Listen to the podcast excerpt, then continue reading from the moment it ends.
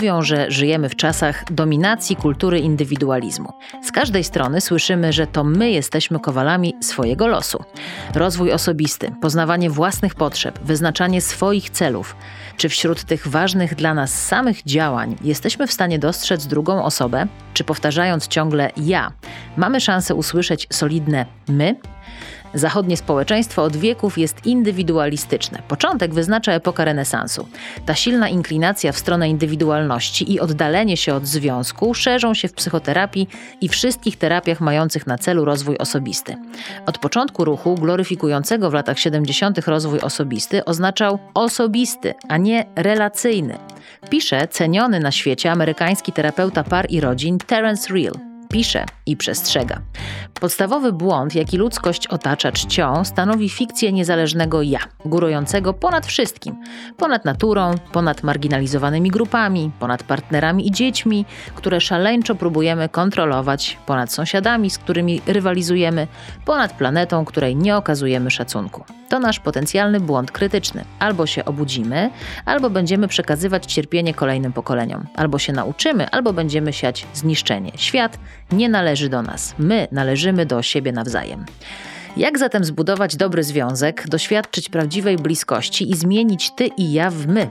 Odpowiedzi na to pytanie z podtytułu książki My Terensa Rilla poszukamy wspólnie z Piotrem Mosakiem. Piotr jest psychologiem i terapeutą z 30-letnim doświadczeniem pracy m.in. z parami. Piotr jest ekspertem programu Ślub od pierwszego wejrzenia, prywatnie od ponad 30 lat mężem psycholożki Tatiany Ostaszewskiej-Mosak. A ja nazywam się Justyna Dżbik-Kluge, jestem dziennikarką i zapraszam Was na kolejny odcinek podcastu Mówią, że wydawnictwa Filia na Faktach. Dziś mówimy szczerze o blaskach i cieniach budowania trwałego związku. To nigdy nie jest łatwe, ale dobrze wiemy, że nie jest też niemożliwe. Piotrze, ja Cię bardzo serdecznie witam na nagraniu naszego podcastu i tak się zastanawiam, jak myślę o Twojej wieloletniej pracy zawodowej, czy są jeszcze jakieś tematy związane z relacjami w parach, na których Ty byś się nie znał. Dzień dobry. Prześwietliłeś nie, związki do, do samego szpiku. Się, dzień dobry, nie można się znać na wszystkim, natomiast nie boję się rozmawiać o wszystkim. Bo doświadczenie uczy nas możliwości reagowania w różnych sytuacjach, natomiast nie da się przygotować na wszystko, a co jeśli, bo i tak życie nas może zaskoczyć. Chodzi o to, żeby mieć gotowość do pracy i do rozmawiania i to już w sobie mam. No to zacznijmy od obalania teorii, którymi się karmimy od ostatnich lat. Nie wiem, czy aż tak bardzo je obalimy, czy może trochę je podważymy, zadamy pytania. Ja, ja, ja. Ja jestem najważniejsza, kultura indywidualizmu, masz wpływ na twoje życie, ty to życie kształtujesz, możesz się zmieniać, rozwój osobisty, praca zmienią, jeśli ci nie pasuje partner, poznaj siebie, żeby móc wpływać na waszą relację, gdzie w tym ja jest miejsce na my, na ile ta kultura indywidualizmu, która nam miłościwie panuje od pewnego czasu, mm, utrudnia budowanie dobrych relacji między ludźmi. Oczywiście, że utrudnia.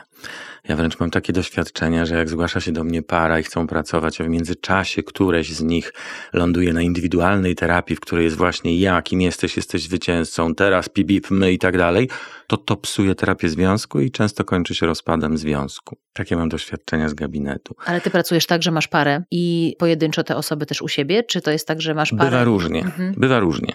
Często jest tak, że najlepiej by było terapeuta, który pracuje z parą, też spotyka się indywidualnie. Oczywiście nie robi tam psychoterapii, bo nie o to chodzi, tylko zajmujemy się związkiem w tym momencie i ewentualnie umiejętnościami czy psychoedukacją dotyczącą związku i tak dalej. Natomiast jeżeli ta osoba gdzieś idzie sobie do kogoś, kto e, rozdmuchuje mu ego, no to to jest koniec związku. No bo jednak jeżeli mamy wielkie ego, to nie mamy związku, czyli wtedy pojawia się racja czy relacja, bo jak jest wielkie ego, to mamy wielką rację. A jak mamy rację, to nie mamy relacji, no bo w związku ma być to my. Ja od lat wszystkich uczę, że na szczycie hierarchii wartości w związku ma być my.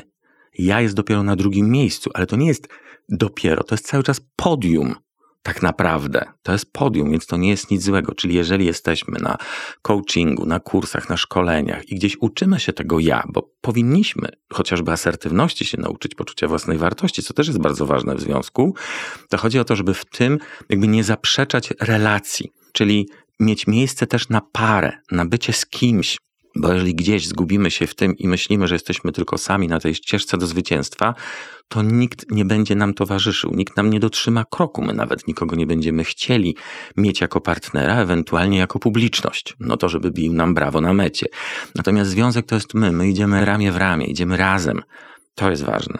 W książce Terensa Rilla, która jest w tle naszej dzisiejszej rozmowy, jest takie ciekawe zdanie: albo masz rację, albo masz żonę. to jest trochę z uśmiechem oczywiście opowieść o tym, o czym ty mówisz, że na pierwszym miejscu w, w związku jest my, a nie ty. Nie powinniśmy w związku na pierwszym miejscu stawiać tej drugiej osoby. Czy jak się tak robi, to właśnie nie jest to zbyt równomiernie rozłożony związek? To nie jest tak, bo jeżeli my stawiamy na pierwszym miejscu drugą osobę, czyli po prostu stawiamy ją na piedestale, to my przestajemy dbać o siebie a ta druga osoba jest z nami doskonałymi, z nami fajnymi, z nami dobrymi, ona też by chciała coś z tego mieć. Więc jeżeli jest uczciwa relacja, to my obydwoje, jeżeli już powinniśmy stać na tych piedestałach i trzymać się za ręce, albo stać poniżej i patrzeć, czemu one są puste i dobrze, że są puste, bo stamtąd kiepsko się funkcjonuje. Więc jeżeli ja nie dbam o siebie i nie jestem asertywny i stawiam kogoś na piedestale, to znowu mamy takie mechanizmy dziwne w człowieku, bo człowiek z natury, nie oszukujmy się, nie jest dobry. To jest efekt socjalizacji, to jest efekt Jak to? Ty życia uważasz, że człowiek z natury nie jest dobry? Ja bym powiedziała, że człowiek z natury jest dobry, a potem przez społeczeństwo się staje zły, a ty pokazujesz drugą stronę. No, my jednak jesteśmy stworzeni do tego, żeby zdobywać, żeby mieć swoje, żeby nie patrzeć na innych. Mamy hedonizm dziecięcy, mamy różne rzeczy.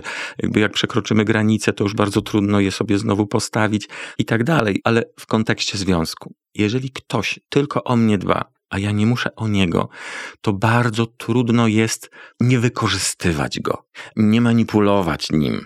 I to psuje związek, bo zdarza się tak, że przychodzą ludzie, którzy mówią, że mają kiepski związek, a po rozmowie, po jakiejś pracy oni mówią, o rany, ja też psuję ten związek. Mhm. Czyli też powinienem zacząć od siebie, bo ten ktoś mi daje na to miejsce, że ja go mogę psuć. A za chwilę porozmawiamy o tym, jak na siebie wpływamy w relacji, jak na siebie wpływamy w związku. Czasami już szczególnie w takich sytuacjach kłótni czy podwyższonego ciśnienia pada, bo ja nie jestem taki, ale ty mnie czynisz takim, tak? Ty wyzwoliłaś, to przez ciebie jestem jakiś. Za moment, bo chciałabym jeszcze ten wątek ja domknąć. Mówi się o tym i też o tym w książce Terensa Rilla y, czytałam, że żeby być w dobrej relacji z drugą osobą, żeby pokochać drugą osobę, muszę pokochać siebie. To jest takie powtarzane od lat zdanie, że musisz miłość do siebie mieć, żeby mieć miłość do kogoś. No ale to jak jestem ja, no to mam tę miłość do siebie siebie, no to... No to nie jest takie proste miłość do siebie, absolutnie. My, nie, my siebie nie lubimy, my siebie nie akceptujemy, my patrzymy w lustro, my siebie oceniamy, my siebie porównujemy z innymi. No kompletnie niepotrzebne rzeczy. Jak to się mówi, piękna róża nie porównuje się z innymi różami, tylko jest po prostu piękna sama w sobie.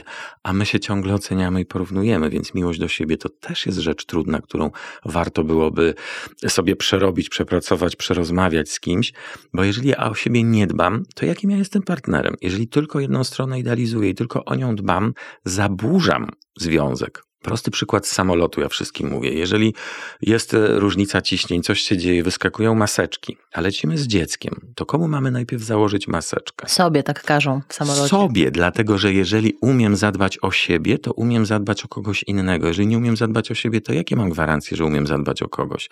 Więc to jest tylko takie idealizowanie tej drugiej osoby, takie pokazywanie, że ona jest wyjątkowa, wspaniała i tak dalej, ale przez to my też nie widzimy niektórych rzeczy, które można by naprawić, które są wadliwe w jakiś sposób, jakieś zachowania, które nie, jakby nie, nie pasują do związku, ale nie rozmawiamy, bo idealizujemy. I kiedy ten ideał sięga bruku, to jest tragedia, bo my już jesteśmy bardzo źle się czujemy ze sobą, bo nasze poczucie własnej wartości to już w ogóle jest gdzieś pod ziemią, a ta osoba nagle przestaje być idealna i o co chodzi, ja ją tak kochałem i tak po prostu idealizowałem i tak było wspaniale. I to psuje. Te związki się nie udają, chyba że i tu mamy, my Polacy mamy, to popatrzmy na naszych rodziców, dziadków, osoby starsze, mamy związki sadomasochistyczne w Polsce. Czyli osoby, które bardzo trudno żyją ze sobą, kłócą się, dyskutują, obrażają, nie do końca szanują, ale nie potrafią bez siebie żyć. Czyli gdzieś oni się jakoś tak dopasowali w tym układzie, że przy nich nie da się siedzieć, przy nich się nie da funkcjonować. Te ich pociotki, dzieci, wnuki i tak dalej po prostu aż nie mają ochoty wpaść, odwiedzić, bo są jakieś przystrywki, bo są jakieś dogadywania, bo są jakieś rzeczy, narzekania, kłótnie, płacze, a oni trwają w tym długoletnim związku. Ja to nazywam związki sadomasochistyczne, czyli gdzieś w tym szaleństwie się dopasowali. I te związki są strasznie trwałe, bo oni bez siebie nie mogą żyć. Natomiast nie bierzmy z nich przykładu. Bo oni się męczą w jakiś sposób mimo wszystko. Mm, kiedy powiedziałeś o tym mówieniu sobie różnych rzeczy, tak, o tym, że pokazujemy siebie jako postać idealną, no pewnie chcielibyśmy, znaczy nie wiem, czy chcielibyśmy być idealni, ale mam takie wrażenie, że my nie umiemy sobie mówić rzeczy, no nie wiem, czy krytycznych, czy przykrych, bo nie ma takiej konstruktywnej rozmowy o błędach. Trudno jest, jak nie wiem, jak właśnie jestem ciekawa twojego doświadczenia z gabinetu. Przychodzi para, no i jedna osoba ma drugiej powiedzieć, co jej nie pasuje, co jest dla niej trudne. My to od razu odbieramy jako atak, od razu odbieramy to jako coś przykrego, zamiast spróbować porozmawiać o czymś, co nam nie pasuje. Od razu to jest y, z tego awantura, tak? Bo ty taki, bo ty taki. Nie umiemy w ogóle mówić o tym, co nie wychodzi, tak? No ale to wynika z tego, o czym mówiłaś, z niskiego poczucia własnej wartości i braku asertywności, bo jeżeli ja mniej więcej siebie znam, nie mam sobie wiele do zarzucenia, jestem w stanie podpisać się pod swoimi słowami i czynami. One są w jakiś sposób przemyślane, one są w jakiś sposób celowe i myślę, że służą dobru. To jeżeli ktoś mi powie, słuchaj, wiesz co, ale jak mówisz to i to, to mnie się robi przykro, no to ja się zastanawiam, okay, ja mam dobrą intencję, robię to, a tej osobie jest przykro. No to jestem zainteresowany. Czemu ja, robiąc coś dobrego, mam efekt, w którym tobie jest przykro? Porozmawiajmy o tym. No może jest to ton głosu, może jednak nie te słowa, może nie w tym momencie, nie kiedy jestem zdenerwowany, zdenerwowana, albo może po prostu zróbmy sobie spotkanie i wtedy wiemy, że wymieniamy informację zwrotną, nikt nikogo nie atakuje, ani w momencie, kiedy są jakieś nerwy. No, zasady ustalamy też, bo nie każdy moment jest dobry na rozmowę. Nie hmm. rozmawiamy o ważnych rzeczach, kiedy się kłócimy. O ważnych i trudnych rzeczach rozmawiamy, kiedy jest dobrze, bo tylko wtedy mamy jakiś początkowy grunt na to, żeby rozmawiać. I kiedy nie mamy poczucia własnej wartości, to każda ocena jest atakiem. Każde zwracanie uwagi jest atakiem, więc co my robimy, jak ktoś nas atakuje? Od razu się bronimy. Czy jest licytacja? A ty to nie? No popatrz na siebie. No i mamy koniec rozmowy w tym momencie. No tak. A później już jest podniesiony ton głosu, a jak już zaczynamy krzyczeć, to wyłączają się uszy, więc przestajemy słuchać. Więc sobie pokrzyczeliśmy, pokrzyczeliśmy. I koniec. Nic nie załatwiliśmy. No Dokładnie. Jak my na siebie działamy w związku? To znaczy, zakładamy taką sytuację jeszcze początkową, wiesz, że, że wszystko jest w porządku. No za chwilę o tych też pewnie fazach związku, bo, bo chcemy rozmawiać o związku długoletnim, nie o tych pierwszych miesiącach zakochania, kiedy po prostu pływamy na, na chmurkach różowych i patrzymy sobie głęboko w oczy. Czy rzeczywiście druga druga osoba wyzwala w nas jakieś cechy, które mamy, może wyzwolić w nas jak, jakieś cechy, na przykład nigdy nie krzyczałam, a teraz krzyczę, bo ty jesteś taki, że ja muszę krzyczeć. No akurat nie jest to mój przykład z domu, ale tak, tak go sobie wymyśliłam. Czy, czy rzeczywiście w jakiś sposób no, musimy chyba na siebie jakoś działać? Pytanie, czy ta druga osoba może wyzwalać nasze najgorsze cechy? Myślę, że tak, tylko nie mówmy o takich związkach. Bo to, jeżeli ktoś wyzwala w nas najgorsze cechy, to na pewno trzeba się przyjrzeć temu związkowi, z czego to wynika. Czy z tej osoby, czy ze mnie, bo tu mogą być jakby dwie siły. To nie jest tak, że od razu jest wina jednej lub drugiej, bo tego nie wiemy, musimy się temu przyjrzeć. Ja strasznie nie lubię, jak ktoś trzy zdania przeczyta, on już wie, tam jest na pewno to i to. Nie cierpię czegoś takiego. Jest 8 miliardów ludzi na świecie. Każdy jest inny, naprawdę. Więc wrzucanie do jednego gara wszystkich ja już wiem. I jak ja pracuję ze związkami, muszę to powiedzieć. Pierwsza ważna rzecz, jeżeli idziecie na terapię związków, jakąkolwiek u kogokolwiek, absolutnie wyłączamy doradców, rodziców, przyjaciół, rodzeństwo, bo oni nigdy nie są obiektywni. Terapeuta ma szansę na obiektywizm, bo on jest za związkiem nie za daną osobą, nie za nim, nie za nią, nie za partnerami. Jest za związkiem i uczy tego i pokazuje. Natomiast nasi przyjaciele, przyjaciółki, koledzy, rodzina, rodzice, mimo że próbują, to i tak ich serce jest po naszej stronie. Więc to doradztwo będzie no nie pomagało. Zafałszowane. Zafałszowane i będzie jakby podkreślało różnice. Nie daj się, załatw. Już pomijam te osoby, przyjaciele, przyjaciółki, które nie mogą znieść, że nam wychodzi i nam się poprawia, a oni właśnie są podczas rozwodu i wtedy jakby wychodzi, co to jest za przyjaźń, ale nie daj się, to jest fałszywe, mój też tak mówił, puść go z torbami. I to często słyszę, że właśnie tak się zachowują przyjaciele, przyjaciółki. Pracujemy nad związkiem, ufamy tej osobie, która z nami pracuje, Resztę odwiedzamy, miło spędzamy czas, rozmawiamy sobie o filmach, polityce, proszę bardzo, ale nie o swoim związku, bo to nie pomaga. A propos tego upodabniania się do siebie albo uruchamiania jakichś cech, które ta druga osoba w nas generuje, czy, czy sprawia, że my w sobie odnajdujemy, mówi się, że pary do siebie się upodabniają fizycznie. Jak patrzę na zdjęcia z moim mężem, to jestem do niego bardzo podobna. Jak patrzę na zdjęcia ciebie i twojej żony, też jesteście podobni. Niektórzy na przykład mnie i mężowi mówią, że wyglądamy jak rodzeństwo. Nie wiem, czy wam tego nie mówią. Oczywiście. Myślę, że mówią wam tak z twoją żoną. Ale to ja mam teorię inną, Dawaj. że my się właśnie spotykamy, bo jesteśmy podobni. Są takie różne teorie, wiemy, że psychologia, młoda nauka w sumie dopiero stoi ileś tam lat i nie wszystko wiemy, niektóre rzeczy to są hipotetyczne teorie i konstrukty teoretyczne, ale jest jedna z teorii, która mówi, że nasze emocje, nasze przeżycia, nasz świat jest w naszej twarzy. Jeżeli jesteśmy do siebie podobni, to znaczy, że ten świat wewnętrzny w jakiś sposób mamy do siebie podobny. I dlatego my ze sobą wytrzymujemy, bo jest więcej podobieństw niż różnic. Te różnice oczywiście są, bo gdyby ich nie było, ten związek byłby nudny. Natomiast te podobieństwa są, jeżeli one są w twarzy, w sposobach jakichś funkcjonowania, no to jest szansa, że ten związek faktycznie, jeżeli ta teoria ma coś wspólnego z prawdą, ma szansę jakby pokonać różne trudności albo zrobić przynajmniej pauzę w momencie, kiedy jest trudno, żeby się zastanowić, żeby sobie przypomnieć, co jest ważne, co nas połączyło i, i dlaczego mamy jakby nie krzyczeć na siebie. Ale te podobieństwa też wychodzą w sytuacji, kiedy się otwieramy na drugą osobę, no bo związek to jest otwieranie na drugą osobę, doświadczanie jej świata i wpuszczanie do swojego świata i my nagle jakby sprawdzamy. Śmieszne było, bo ja nie lubiłem oliwek zielonych, a moja małżonka się zajadała. Dzisiaj ja się zajadam, ona nie.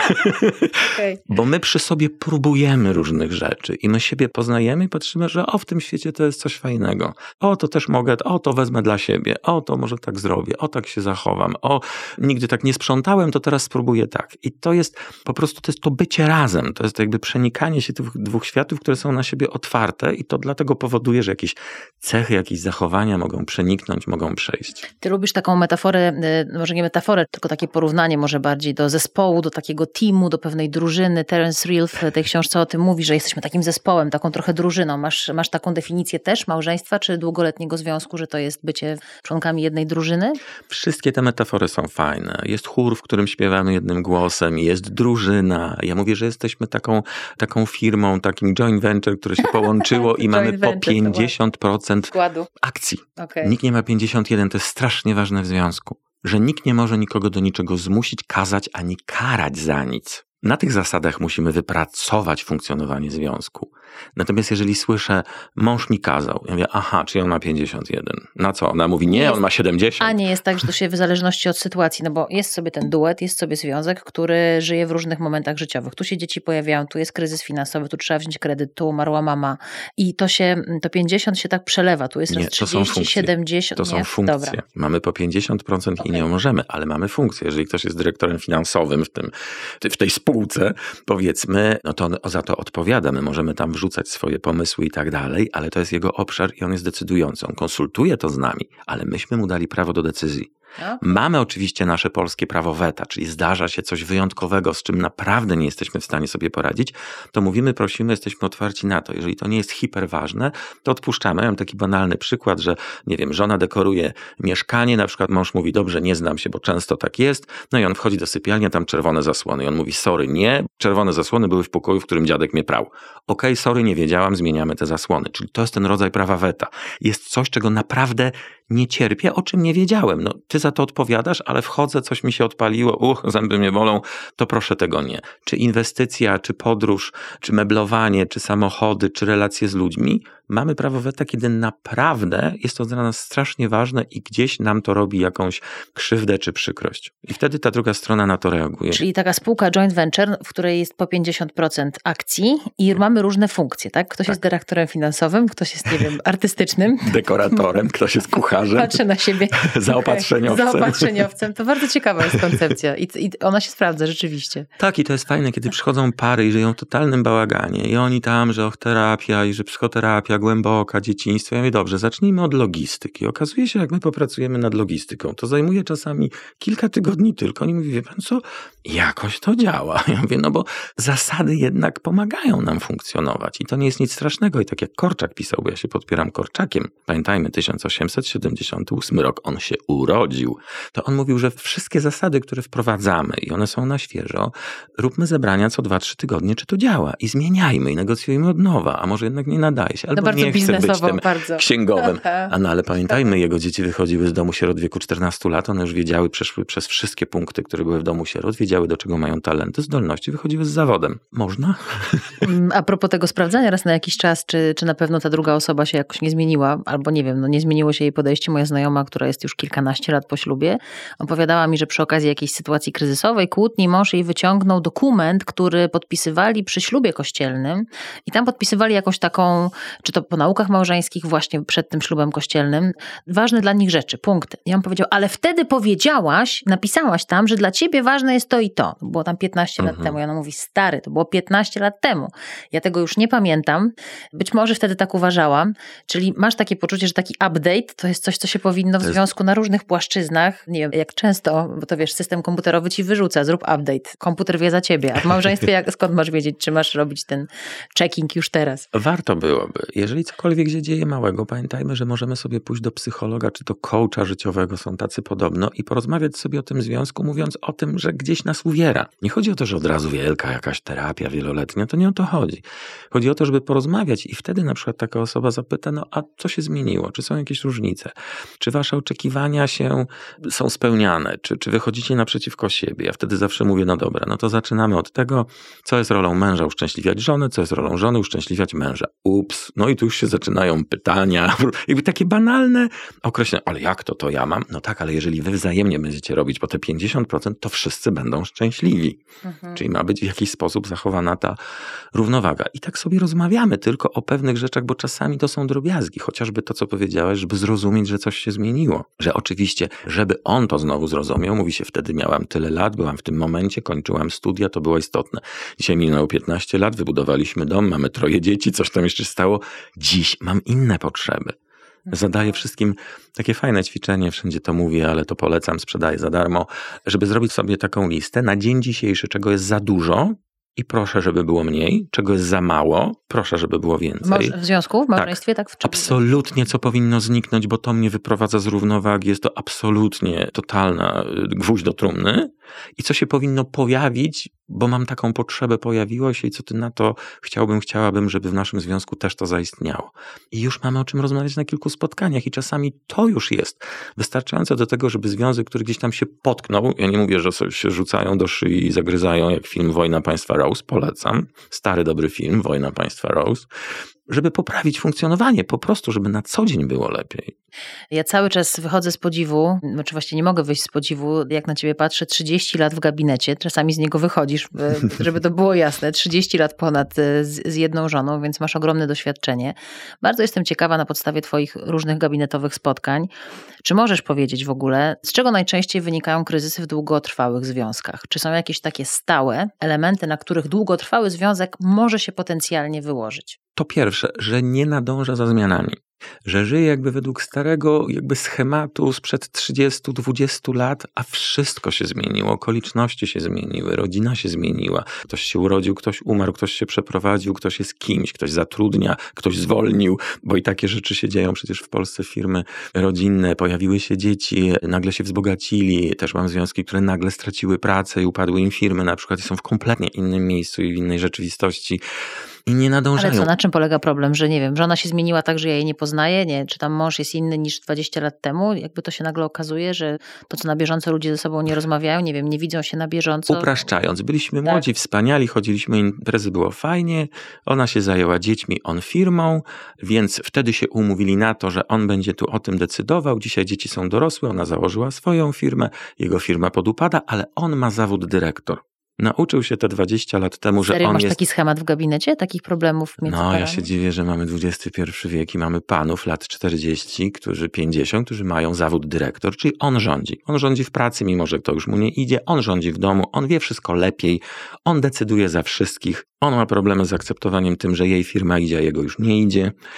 I to jest słabe, bo jakby nie nadążamy, nie rozmawiamy o tym, ok, dzieci starsze, to co robimy, kto odpowiada, tutaj ta firma może ci pomóc, może nie, może weźmy pomoc, może ją sprzedajmy, posiedźmy parę lat w korpo, znowu załóżmy coś innego. Jakby namawiam jednak wszystkich do, do, do samodzielności, a, a korpo jest jakby przystankiem, żeby się nauczyć, nie wiem, funkcjonować, zarabiać, mieć jakieś umiejętności, jakiś zawód, bo i tak wiemy, że młodzi wchodzą i nas wypychają z tego korpo, więc my powinniśmy sobie to w życiorys wpisać, że w pewnym momencie to i tak z tego wyjdziemy, no chyba, że jesteśmy w tym zarządzie, no to jest inaczej. A masz takie, zdarzają ci się młode pary na terapii? Nie takie pary z 20 czy 30-letnim stażem, czy 15, tylko takie z 5-letnim? Oczywiście, ja mam pary nawet przed ślubem które chcą być szczęśliwe, tak? a mhm. gdzieś, kiedy zaczynają na przykład razem mieszkać, albo raz drugi wyjechały, albo właśnie mają pierwszą jakąś poważną pracę i zaczyna zgrzytać. I to jest fajne, że przychodzą od razu porozmawiać, żeby przypadkiem tego nie popsuć że zaraz ten ślub za pół roku, że strasznie się tym stresują, a tu po drodze coś w pracy, a tu mieli kupować mieszkania, ale poszły ceny, więc teraz nie wiedzą, co będzie. No po prostu kłopoty. I ci młodzi ludzie, którzy są zakochani w sobie, oni się odcinają od autorytetów, no bo oni są dla siebie jakimiś ważnymi ludźmi i sobie wierzą i ufają, jest wielka miłość i nagle się okazuje, że są błądzą we mgle. Czasami przychodzą do takiego starego dziada jak ja, psychologa, pogadać jak z dziadkiem, mentorem, no a co w takiej sytuacji, a co możemy zrobić, jaki... No ja mając to doświadczenie mówię, niektórzy robią tak, niektórzy siak, bo tu nie chodzi o to zrób to, tylko chodzi o to, żeby pokazać im gamę możliwości. I oni, aha, to z tej strony nie patrzyliśmy. Oj, to można i tak, to że... I fajne jest to, jak ja mówię, słuchajcie, no a co z rodzicami? I kiedy są, nie wiem, pokłóceni? Ja mówię, no dobrze, no ale była różna sytuacja. Kiedy to było? O trzy lata temu. Ja mówię, no dobrze, no ale już na przykład byli na ślubie, no byli ci rodzice na ślubie, no to jakby wyciągnęli rękę, nie? No bo mieli nie być, no bo wiemy, że różne sytuacje. Ja mówię, to co za problem, nie wiem, jest odwiedzić i porozmawiać. Mhm. Prosia będzie ci dane. To są wasi rodzice, ich obowiązkiem. Ja sobie nie wyobrażam, że moja córka, nawet jeżeli, że ja nie mam założeń, że ona musi coś, no ale no niech ona się ze mną pokłóciła, ja z nią nie, że ona przyjeżdża po latach, mówi, tata, wiesz co, tu mi się noga powinęła, a co ty na to? No przecież to przecież to moje życie jest dla nich, między innymi. Mhm. I oczywiście są ludzie, którzy wyrzucą te dzieci, też ich na to przygotowuję, że ten rodzic nic nie musi, a może, ale warto spróbować porozmawiać po prostu. Kiedy tak mówisz o tych młodszych parach, to zastanawiam się, na ile w Twoim gabinecie widać to, o czym się pisze w mediach od dłuższego już czasu, że dzisiaj związki się rozpadają. Czy masz taką refleksję, że dzisiaj są takie czasy, że nie wiem, ludziom mniej zależy na staraniu się, mają mniejszą wytrzymałość, mniej walczą o związek. Mm, tak jest i też od razu trochę do a ja inaczej bym to powiedział. Wiem, bo ja tutaj już to ocenię, czy to jest źle, czy dobrze. Ale sama się złapałam, może to dobrze, że się rozstają, jak są niedopasowani, Ale więc inaczej. może nie róbmy testu. U mnie to wygląda inaczej. Ja mam wrażenie, że dzisiaj związki się rozpadają z większym hukiem, bo za długo czekają na pomoc. Czyli kiedyś ludzie, jakby wręcz mam wrażenie, jakoś byli bliżsi siebie. Czyli ten brak siebie tych mediów, tak, powodował, że myśmy hmm. mieli tego czasu trochę więcej dla siebie. Żeśmy przy tym stole pogadali, czy nawet przy tym serialu żeśmy pogadali. A teraz w każdej jakby przerwie i pauzie łapiemy za telefon, łapiemy za coś. Mało jest tych rozmów i to powoduje, że związki, które teraz lądują u psychologa, to są związki, które po prostu stoją nad przepaścią, wiszą po prostu na jednej ręce. I czasami naprawdę nie ma co zbierać. To nie jest tak, że ja potrafię uratować wszystkich sporo. Oczywiście myślę, że nawet około 80% ja mam efektywność, ale czasami to jest taki moment, że tam już praktycznie prawie, że nie ma uczucia. Tam już nic ich nie wiąże, tam już nic o sobie nie wiedzą. W ogóle już marzą o tym, żeby nie wracać do domu. Wręcz no, jakby nie ma na czym budować. A oni powinni, bo ta miłość była, jak rozmawiamy, bo było fajnie pięć lat wcześniej przyjść, hmm. porozmawiać chociażby, zainteresować się tym, że źle się czuje, że nie jest tak, jak chcę, jakby łapać te sygnały. Nie chce mi się wracać do domu. O Matko Święta, natychmiast bierz pod pachę tą partnerkę, partnera, leć do tego terapeuty i dowiedz się, dlaczego ja się tak czuję. Co się takiego dzieje w moim związku, że mi się nie chce wracać do domu? Dlaczego, jeżeli rozmawiamy i ktoś zaczyna z emocjami coś mówić, czy dziecko, czy żona, bo to i tak dalej, ja zapadam się w siebie. Mówię, dobra, rób tak jak chce ta. Mam to w nosie. Ja się wyłączam z tego związku, tylko że minie kolejnych 10 lat, już będę tak wyłączony, że się okaże, że już nie mam w sobie uczuć. Będzie jakieś przyzwyczajenie, będzie jakiś, nie wiem, sentyment, schemat, sentyment, coś, mhm. ale uczucia nie będzie. Mhm. Więc to jest słabe, jakby ratujmy te związki, kiedy coś się dzieje. No popatrzmy na samochód. Jeżeli stuka i puka, lecimy do mechanika. A w związku stuka, puka, jedziemy na jednym flaku, drugim flaku, na obręczach, bez szyby, bez zderzaka, bez świateł. Ale jedziemy dalej. No to ładna metafora, ale rzeczywiście bardzo adekwatna. Swoją drogą pytanie, ja mam takie osobiste doświadczenia, że terapia par nie musi być po to, żeby związek uratować. Czasami lepiej, żeby tego związku nie uratowała. Tak. I tak czasami się właśnie kończy, żeby, żeby się dowiedzieć właściwie na czym my stoimy i po co nam to wszystko, bo jeżeli tych uczuć już nie ma i są jakieś inne dodatkowe rzeczy, ja już też po tych latach ja już udzielam porad prawnych, porad biznesowych, porad różnych i tak dalej, no bo tego doświadczenia jest też, nawet artykuły niektóre kodeksu karnego znam na pamięć.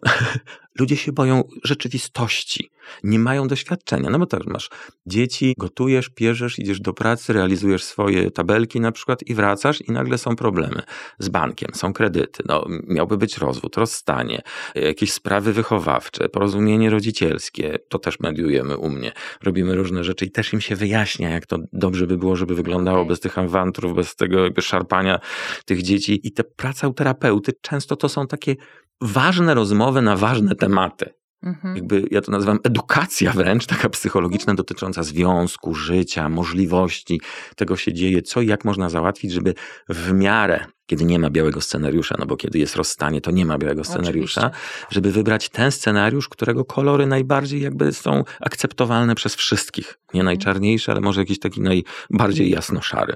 I wtedy o tym sobie rozmawiamy i wtedy uczy się wszystkie strony tego, jak to po ludzku zrobić. Czasem jest tak, że ludzie przychodzą, pomijając te rozwody, miałem taką parę strasznie sympatyczni ludzie przyszli jakby popracować nad związkiem, nie mieli ślubu, popracowaliśmy jakieś zadania, rozmowy, właśnie te tabelki, charaktery, zachowania, przekonania, świat wartości, wszystko i tak dalej.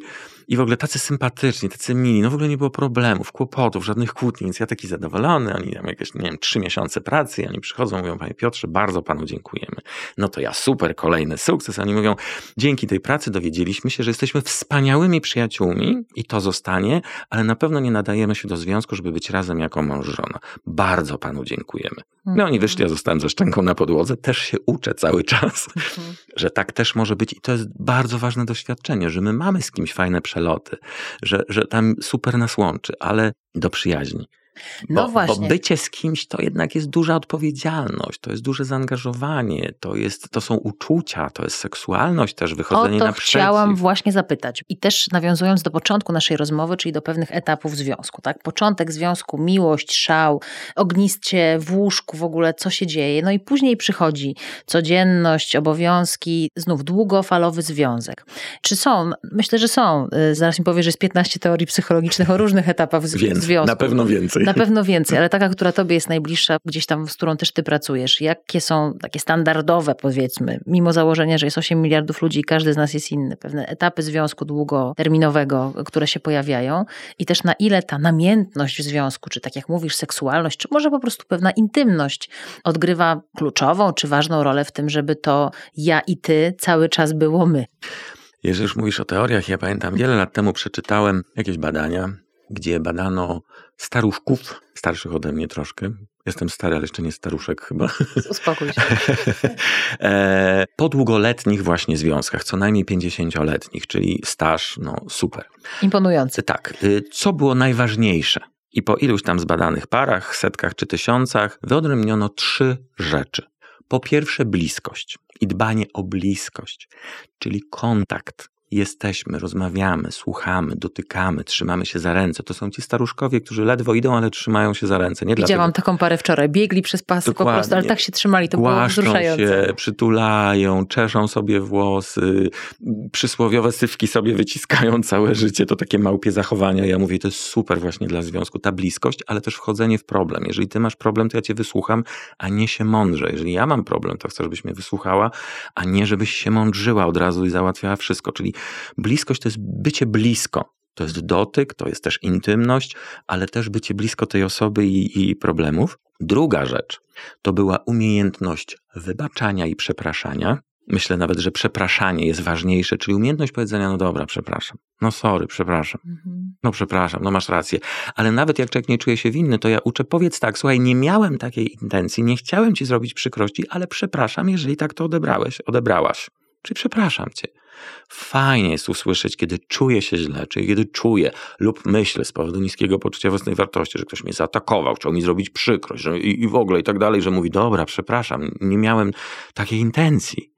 Fajnie jest usłyszeć przepraszam. I nauczcie się mówić przepraszam, to jest takie przyjemne. Ja załatwiam nawet kłócących się kierowców na ulicy. Jakiś tam odkręca szybę, mówi, czemu mnie nie wpuszczasz, tu mrugam coś i tak dalej, tu już jest gotowe na wyzwisko. Odkręcam szybę i mówię, przepraszam, nie zauważyłem. Mhm. Zakręcił szybę, odbiera pojechał. Mowę. Mhm. Odbiera mowę. Słowo przepraszam podczas kłótni na ulicy odbiera mowę agresywnemu kierowcy. No ale wiesz, ten, który ma powiedzieć przepraszam, to musi on się wzbić na swoje wyżyny, schowania no, żeby... pewnej dumy i uznania, że coś No depsuł, ale czy ja tak? chcę pojechać, dojechać z punktu A do punktu B i mieć święty spokój? Czekaj, ja albo masz rację, albo żonę. Wracam do tego zdania. Jakby dumą okay. człowiek się jeszcze nigdy nie najadł, duma do niczego nie służy. Jakby ja mam mieć święty spokój i dojechać bezpiecznie. Jeżeli uzyskam to słowem przepraszam i ten gość pojedzie w swoją stronę, naprawdę ja wygrałem. Moja znajoma, że... która zajmuje się mediacjami rodzinnymi, mówi to zdanie, lepiej mieć spokój niż rację, dlatego polecam mediację, tak? A coś z tym spokojem niż racją, coś Bardzo w tym jest, tak? dokładnie. I trzeci czynnik, mhm. poczucie humoru. Czyli my żartujmy ze sobą, wygłupiajmy, rozśmieszajmy. Naprawdę nie ma nic piękniejszego niż śmiech mojej żony. Cały świat może być taki, jak uda mi się rozśmieszyć, jak ona się śmieje, jak ona się chichra, no to dla mnie to są po tak? prostu szczyty po prostu zadowolenia, radości i po prostu wow. Jak mi się udaje rozśmieszyć, bo pamiętajmy, że jesteśmy jakby aktorami w teatrze jednego widza i robimy coś dla kogoś. Jeżeli mi się udaje rozśmieszyć, no to jakby cel został osiągnięty. Jestem super, w super relacji, w której dopełniamy się. Ja się wygłupiam, ona się śmieje. Super. No, ona w drugą stronę też ma swoje potrzeby, to już ona musiałaby mówić. Natomiast to jest to. Żartujmy, wygłupiajmy, oglądajmy komedię, śmiejmy się jak najwięcej. To nam poprawia funkcjonowanie, to nam poprawia libido, to nam poprawia inteligencję, to nam poprawia e, system odpornościowy, śmiech, radość. I jeszcze w związku wtedy my jesteśmy bezpieczni, bo my radzimy sobie z kłopotami, które są na zewnątrz, my sobie radzimy z kłopotami w pracy, my sobie radzimy z kłopotami dotyczącymi rodziny, bo mamy tę osobę w domu, z którą potrafimy być radośni, która daje nam radość, przy której się śmiejemy i uśmiechamy, z którą mamy, dodajmy te trzy, bliskość i umiejętność przepraszania, która nas przeprosi lub my ją, czyli nie mamy złych intencji. Czego chcieć więcej w życiu? Ale to piękno podałeś receptę na to y, uszycie tego ja i ty w stronę my, jak cały czas sobie przypominamy o tych trzech elementach, to ma szansę pewnie się udać. Jesteś też pytany w różnych wywiadach o różnice między kobietami a mężczyznami w, w związku, w relacji, w byciu ze sobą. Ciekawa jestem, czy dostrzegasz takie błędy, tu pewien cudzysłów, y, które popełniają w związku kobiety, albo rzeczy, które robią kobiety, a one nie do końca może są dobre i błędy, które popełniają mężczyźni. Wiem, że to jest uogólnienie, ale też widziałeś już i rozmawiałeś z tyloma osobami, że idę o zakład, że powtarzają się pewne zdania i zachowania, które słyszysz z obu stron, z obu płci. Ja każdą osobę traktuję bardzo indywidualnie, nie lubię wrzucać do wora, bo to mnie ogranicza. Jak ja wrzucę kogoś do wora, to jakby no, popełniam błąd stereotypu lub błąd omnipotencji, a nie o to chodzi w tej pracy. Człowiek ma mi dostarczyć informacji, a nie zanim on coś powie, już wiem lepiej. To nie o to chodzi w tej pracy. Natomiast faktem jest to, że te błędy, które się jakby pojawiają, to mnie się wydaje, kiedy strony jakby przestają być sobą i każdy inaczej przestaje być sobą. Kiedy nie jesteśmy asertywni, dla mnie to jest niebycie sobą. Czyli po to mówię wszystkim, żeby uczyli się asertywności, asertywności w związku, bo to pozwala jakby mówić, co naprawdę myślę, mówić, co naprawdę czuję. A czemu w związku przestajemy być sobą? No bo właśnie to, co to pytałaś, bo próbujemy coś albo udowodnić na siłę, albo się podporządkować okay. dla świętego spokoju, albo kogoś zadowolić. Ja cały czas nie jestem sobą. Cały czas coś udaję, aż coś pęknie. Albo ja będę miał dość, albo ktoś mnie będzie miał dość, bo ja ciągle się poddaję. Mhm. Więc i tu kobiety, mężczyźni robią to różnie. Ja strasznie nie lubię tego, tego, tego stereotypu, on ma zachowania żeńskie, ona ma zachowania męskie, no ale to służy temu, tak jak te, te wszystkie teorie psychologiczne, żeby to łatwiej wytłumaczyć. I faktycznie, kiedy kobieta zaczyna być facetem w domu, a on nadal nim jest, czyli ona zakłada spodnie i zaczyna tam w taki niekobiecy sposób coś robić, no to po pierwsze to go konfunduje, tak to się mówi? Bardzo dobrze to się tak I, I w ogóle on nie wie o co chodzi bo on ożenił się z kobietą, nie z facetem. Jakby szukał faceta, to by sobie znalazł faceta. Mi się zdarzyło ostatnio, pojawiła się kobieta, która w biznesie robi takie rzeczy powiedziała, że gdzieś się jakby zatkała na poziomie jakichś zarządów, czy chciała wejść, czy nie wieść i rywalizuje z mężczyznami. Brakowało jej tylko zarostu. Mhm. Ja powiedziałem coś brzydkiego, nie wiem, czy to mogę powiedzieć. Ja mówię, proszę pani, jeżeli rywalizuje pani z facetami jakby wielkością, wiemy czego, to pani przegra na dzień dobry. Pani z nimi może wygrać tylko kobiecością. Mhm. Bo pamiętajmy, że nie ma kobiet i mężczyzn, są ludzie. człowiek nie ma feminatywu. My jesteśmy ludźmi. I na tym poziomie bądźmy sobą. I wtedy jesteśmy ok w tym związku. Jeżeli my zaczynamy coś udawać albo jakby przejmować czyjąś rolę, to to nie wychodzi. Mhm. To jest sztuczne, to jest dziwne. Sama osoba, która udaje się męczy i w pewnym momencie nie wie, jak się zachować, bo to jest nienaturalne i zaczynają się dziwne zachowania. I osoby, które są obok, też dziwnie na to patrzą w ogóle o co chodzi, nie na to, żeśmy się umawiali. Czyli jakby to jest jedna z taka z dziwniejszych rzeczy, która psuje te związki. Też trudno też czasami rozpoznać, bo niektórzy wpadają w taki schemat, że on mówi, aha, skoro ona chce rządzić, niech rządzi, a on się wycofuje. A on się wycofuje, wcale nie jest z tego zadowolony gdzieś sobie uprawia jakiś ogródeczek na boku. Albo ma jakąś pasję, o której nie mówi, albo wydaje na nią straszne pieniądze, albo sobie grywa w kasyno, o czym nikt nie wie, bo i takie historie mam i traci majątki.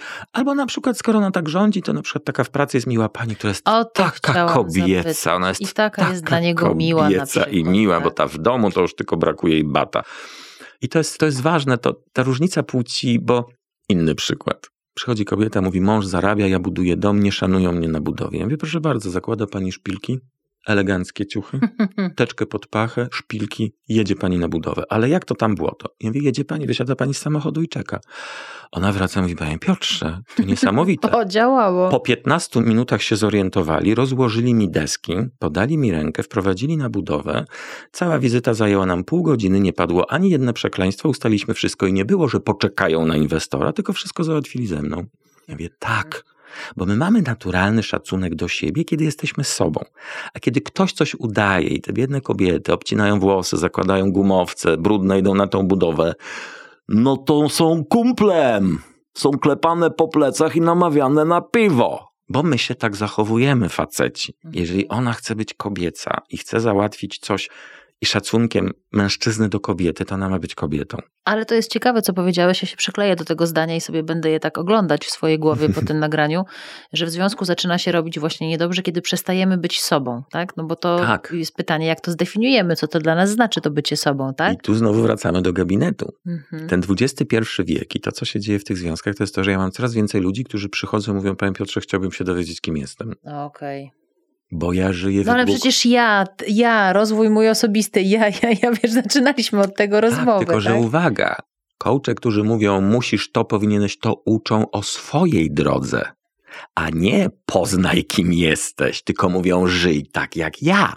To jest super, to jest świetne. U ciebie też to zadziała, tak? Musisz, to powinieneś. Natomiast chodzi o to, żeby zacząć od podstaw. Ja nie mówię, że to jest złe, bo to naprawdę wiele osób osiągnęło niesamowite sukcesy. Tylko ileś tam się po drodze wyłożyło, bo nie miało tych fundamentów. To, kim jestem, jest ważne. Kim jestem, jaki jestem, co potrafię, co lubię. I tu mamy film Uciekająca Panna Młoda, nie wiem, czy pamiętasz? Tam jest scena z Richardem Girem, jak ona wreszcie chce jego, a on pyta, jakie jajka lubisz? Ona zawsze lubiła to, co jej partnerzy. Czyli dopasowywała się, nigdy nie była sobą. I on mówi, jak się dowiesz, jakie lubisz, to ty przyjedź do mnie. I on wyjechał. I jest scena, w której ona wszystko gotuje, ileś tam, bo jajka można zrobić na wiele No sposobów. jasne. Jedzie do niego i mówi, lubię te, te są paskudne, te ohydne, te przypalone, te coś tam, ta, ta, ta, ta. I on mówi, dobrze, teraz wiem, że jesteś sobą. Zapraszam. Mhm, Że wiesz, czego ty chcesz tak naprawdę. mhm. Nie ma nic złego w związku, kiedy wiemy, czego chcemy i mówimy to na głos, bo tak mamy się dopasować, a nie całe życie, nienawidzę słowa, poświęcać się dla kogoś. Ja wtedy mówię człowieku, nie przybijaj się do krzyża, bo i tak ty przybijesz tylko jedną rękę, a do przybicia drugiej tak musisz kogoś poprosić. Więc po co ci to? Jest taka też psychologiczna opowieść o tym, że można być wystarczająco dobrą matką. Zastanawiam się, czy jest takie powiedzenie o wystarczająco dobrym związku, a robię ten wstęp po to, żeby zapytać Cię, jak Ty sobie myślisz o dobrym związku, jaki to jest dla Ciebie taki dobry związek, który już trochę trwa. Dobry związek dla mnie to jest dobry związek, którym wszyscy się, wszyscy, no dwoje, przeważnie w Polsce dwoje,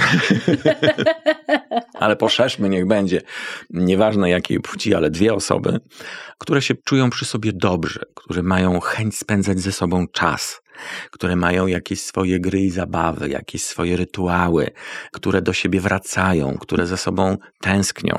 Mają oczywiście czas i miejsce na indywidualizm i robią swoją pracę, swoje pasje, ale zawsze z radością wracają, z radością opowiadają sobie o różnych rzeczach, chcą tego kontaktu, nie mają problemu patrzeć sobie w oczy, nie mają problemu być szczerymi, nie mają problemu opowiadać o sobie, nie mają tajemnic, bo właściwie do czego nam tajemnice w związku. Moje kody do telefonu nawet dzieci znają, bo jak mi się nie chce sięgnąć, to mówię o SMS przyszedł, weź zobacz od kogo. Jakby każdy może zajrzeć, no bo jak, jakie może mieć tajemnice? Nie pracuję w służbach. A nie masz takiego przeświadczenia, że każdy człowiek powinien mieć taką swoją sferę właśnie, którą się nie dzieli z innymi? A po co? Nie wiem, nie wiem, tak? Ale po co? Że coś takiego dla siebie sobie zostawiasz, wiesz. Że ale, ale co mi to da? Że będę miał swoje, no to wtedy będę miał ten indywidualizm. Ja mogę mieć swoją pasję. Wyjdę sobie na rower, polatam sobie na kejcie, pochodzę sobie po górach, pojeżdżę na rowerze. No to może być moje. Ja mam na przykład swoje filmy, gdzie żona mówi, o nie, nie, nie, nie, to to sobie obejrzysz sam. I okej, okay, no to jest moje, ale ona wie, że ja lubię takie, a nie jasne, inne jasne. filmy. Ona lubi nie co innego. ukradkiem, a no jasne. Dokładnie. Jasne, ja czytam kryminały, ona nie. Ja czytam kryminały, bo one zmuszają do doczytania do końca, bo mnie wiele rzeczy nudzi i męczy. A ona nie czyta kryminałów. No to jakby, mhm. może ten rodzaj indywidualności, ale jakąś tajemnicę, że co? Nie, nie wiem, nie wiem. No więc właśnie, no bo wszyscy mówią, o, muszę mieć tą swoją prywatność. Ja pytam, no dobrze, co by to było? No słucham, co? No, że zakładasz damską bieliznę pod spodnie? No okej, okay, co złego, że ona cię kocha, akceptuje i takiego cię poznała i nieraz cię rozebrała, no to jakby nie ma problemu. To nawet ci kupi te koronkowe majtki, czy tam stringi, czy cokolwiek. Jakby w związku właśnie o to chodzi, że związek, my jesteśmy częścią całości. Więc to nie może być tak, że lewa nerka ma tajemnicę przed prawą nerką. No jakby nie kumam tego. I to będzie puenta tego odcinka. Jak to jest możliwe, żeby lewa nerka miała tajemnicę przed prawą nerką, albo lewe płuco przed prawym płucem? To w ogóle nie, nie działałoby tak, jak trzeba. Dokładnie. A lubisz formułę i żyli długo i szczęśliwie? Oj, lubię. Może po 30 latach małżeństwa naprawdę odkrywam, że jedną z największych wartości w związku to jest naprawdę święty spokój to, że jest tak zwyczajnie, bo ludzie mówią, wow, kuranty wodotryski. Ja mówię, ludzie, to, co nam się przeważnie nie nudzi w życiu, to jest kromka ciepłego chleba. Ja bym chciał, żeby życie i związek to była zawsze taka kromka ciepłego chleba. To jest, to można zawsze. Nie skończymy jeszcze, zrobimy takie postscriptum, bo myślę sobie o takiej codzienności, która e, wiele też znanych mi osób, które są w związkach, mówią, że codzienność ich dojeżdża, tak? Że wszystko fajnie, że byli blisko, ale tak, tu dzieci, tu obowiązki, tu praca, tu kredyt, tu życie, tu wojna, tu nie wiadomo, czy świat się nie kończy, e, tu inflacja, tu jeszcze cała masa innych spraw. Mm, jak w takim natłoku utrzymać te relacje, bo wydaje mi się, że to jest trudne. I to jest piękna pętla, bo od tego zaczęliśmy bo ten XXI-wieczny czy XX-wieczny indywidualizm powoduje, że nam się wydaje, że my musimy sobie radzić sami. Nawet w związku z szefem, z biznesami, z rodzicami, z długami, z porażkami jakimiś biznesowymi czy czymś. A właśnie chodzi o to, że to jest ten błąd. Nawet się okazuje, że mamy dzieciom mówić, bo dzieci mamy przygotować i mają nas akceptować, że mamy trudno, że mamy gorsze dni, że coś się udało, że jednak w tym roku nie będzie wakacji, bo firma mamy, taty, dziadka padła, coś jeszcze. I to jest fajne, że nie czujemy się samotni.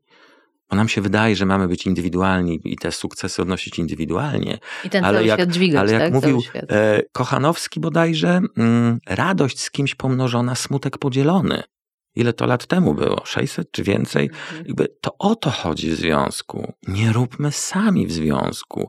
Po to jest ta osoba, że chociaż, nie wiem, za tą rękę potrzyma, przytuli, pogłaszcze po głowie, kiedy nie ogarniamy tej kuwety i z szefem nie potrafimy dojść do, do ładu. To jest to, czego potrzebujemy. Ona może się nie znać, ale ona jest obok. Ona jest blisko, to jest ta bliskość właśnie. I to wsparcie, ja uwielbiam, to już pewnie wiele osób już słyszało wielokrotnie, jak robiłem pierwszy remont łazienki sam, bo nie było kasy, a ja wychodzę z założenia, że to jest tylko kwestia nauczenia się hydraulika, elektryka, glazura terakota, wielkie halo. Pierwszy remont zrobiłem sam. I wtedy oczywiście, bo mam prokrast... Nie słyszałam tego, już się trochę znamy. No Prokrastynację mam, więc to trwało i wtedy, żeby nie zmotywować, moja małżonka mówiła, kochanie, pamiętaj, jesteś najlepszym psychologiem wśród hydraulików i najlepszym hydraulikiem wśród psychologów. I nigdy jej tego nie zapomnę. To są jedne z najpiękniejszych słów, jakie w życiu słyszałem. I zrobiłeś ten remont. Oczywiście. I następny, i następny. No już później trochę więcej potem... zarabiałem. A teraz ten święty spokój jest taki, że mi się już nie chce robić remontów, bo to bałagan. Nic się nie stanie, jak będę żył 30 lat z tą samą łazienką. Ja wszystkich bardzo przepraszam, którzy wysłuchali tego podcastu i teraz sobie myślą, rety, to jest takie proste.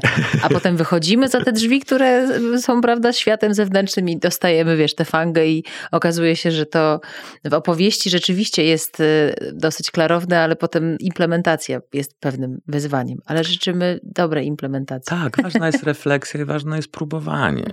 Oczywiście nie na siłę, nie, na, nie tysiąc razy, kiedy jest opór materii, ale przynajmniej kilka razy. Kilka razy spróbować zmienić coś, zrobić odwrotnie powiedzieć, dobrze, wiesz co, a właściwie to o co tu chodzi? O czym my rozmawiamy? To jest twoje, to jest moje. Też zdarzają się osoby, które przychodzą wysłane przez żonę, przez męża, bo mają problem taki i taki. Ja tak słucham, słucham i dobrze. Zacznijmy od szczerości. To jest problem żony czy pana? Mhm. Czy mamy? Czy wujka, czy stereotypu, czy wam się tak wydaje, czy wy musicie, czy powinniście. I obdzieramy to, obdzieramy, aż będzie, jaki ja jestem, kim ja jestem, czego ja potrzebuję, czego ja chcę, jak znajdziemy drugą osobę, która też mniej więcej wie, albo razem się uczymy, bo myśmy na drugim roku studiów się poznali. Tak. Tego i mamy tę cierpliwość, mamy tę odwagę towarzyszyć sobie, to możemy się razem rozwijać i dowiadywać się, czego chcemy. Jakby przekraczać kolejne jakby granice informacji o sobie i spytać w pewnym momencie o te etapy. To ja teraz odpowiem. Mhm. Dla mnie nie ma tych etapów stereotypowych, one pięknie wyglądają w artykułach na, na ileś tam tysięcy znaków, żeby to wszystko umieścić. Natomiast etapami, pamiętajmy, na które musimy zwrócić uwagę, to są wszystkie zmiany. Próba spłodzenia dziecka. Specjalnie mówię próba, bo bywa różnie to jakby zmienia naszą rzeczywistość. Później ciąża, później dzieci, awanse, prace, studia, choroba w rodzinie, śmierć w rodzinie, jakby nowe mieszkanie, wyższa pensja, mniejsza pensja, awans, degradacja. To są zmiany, to są etapy. My przy każdym powinniśmy się pochylić, chociaż na chwilę o tym porozmawiać. Co się zmieniło? Jak to będzie? I taki prosty przykład na koniec, jak chociażby podręcznikowo mężczyzna i kobieta reagują na awans. Stereotypowo mężczyzna mówi yes, wreszcie, należało mi się. I to jest koniec jego reakcji. No i oczywiście świętuje. Kobieta dostaje awans. O kurczę, matko, to będzie więcej pracy, Boże, pieniędzy, ale stary zarabia mniej. Matko, co on pomyśli? Ale dzieci, przecież ja je wożę do... Nie, no ja się nie wyrobię tyle obowiązku. Boże, ja, po co mi ten awans? Już jest różnica. To jest ta informacja, to są etapy. Musimy porozmawiać. On ma powiedzieć: Słuchaj, stara, no nie ma problemu, no to, to ja będę wstawał. W ogóle świetnie, że to masz. Ja cię wspieram, super, będzie nam lepiej. Może wreszcie ten dom kupimy, czy wybudujemy. W ogóle ekstra, ty się nie martw, ja ci pomogę. A jak nie rozmawiamy, no to wszystko właśnie jest to tak cichaczem, jest w tajemnicy, nie wiemy, co kto czuje, jak się z tym czuje. Piotr powiedział na koniec, to ja powiem, że po więcej zapraszamy do Piotra spotkania albo do lektury książki. Bardzo podoba mi się ten e, podtytuł do książki My. Jak zbudować dobry związek, doświadczyć prawdziwej bliskości i zmienić ty i ja w my. To taka ciągła, budzisz się rano i patrzysz na tę drugą osobę i sobie myślisz ty i ja, my. Tak? Jak to gdzieś tam widzisz, to, to jest duża szansa, że będzie to i żyli długo i szczęśliwie. Wam to tego nie życzę z Tatianą, bo wy już macie poodhaczane po prostu już wszystkie bazy y, y, tego udanego funkcjonowania razem. Niech tak się dzieje. Dziękuję za Twój czas. Bardzo dziękuję. I za te wszystkie ciekawe rzeczy, o których opowiedziałeś. I już się też wyłączam, bo muszę sobie poprzemyśliwać e, te wszystkie nasionka, które pozasiewałeś, bo przecież też słuchałam tego jako żona, żeby nie było. Do zobaczenia, do usłyszenia. Do zobaczenia, dziękuję. Wiele bajek, które pamiętamy z dzieciństwa, zaczyna się od frazy dawno, dawno temu, daleko, daleko stąd, a kończy zdaniem i żyli długo i szczęśliwie. Dziękuję, że wysłuchaliście tego odcinka podcastu Mówią, że wydawnictwa Filia na Faktach. I życzę Wam, żeby to wspólne życie długo i szczęśliwie nie było gdzieś w przeszłości, dawno, dawno temu, ale tu i teraz.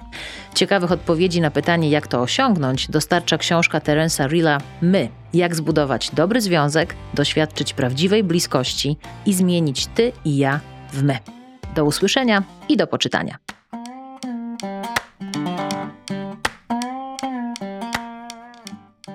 Ten odcinek powstał w studiu Produkcja Podcastów.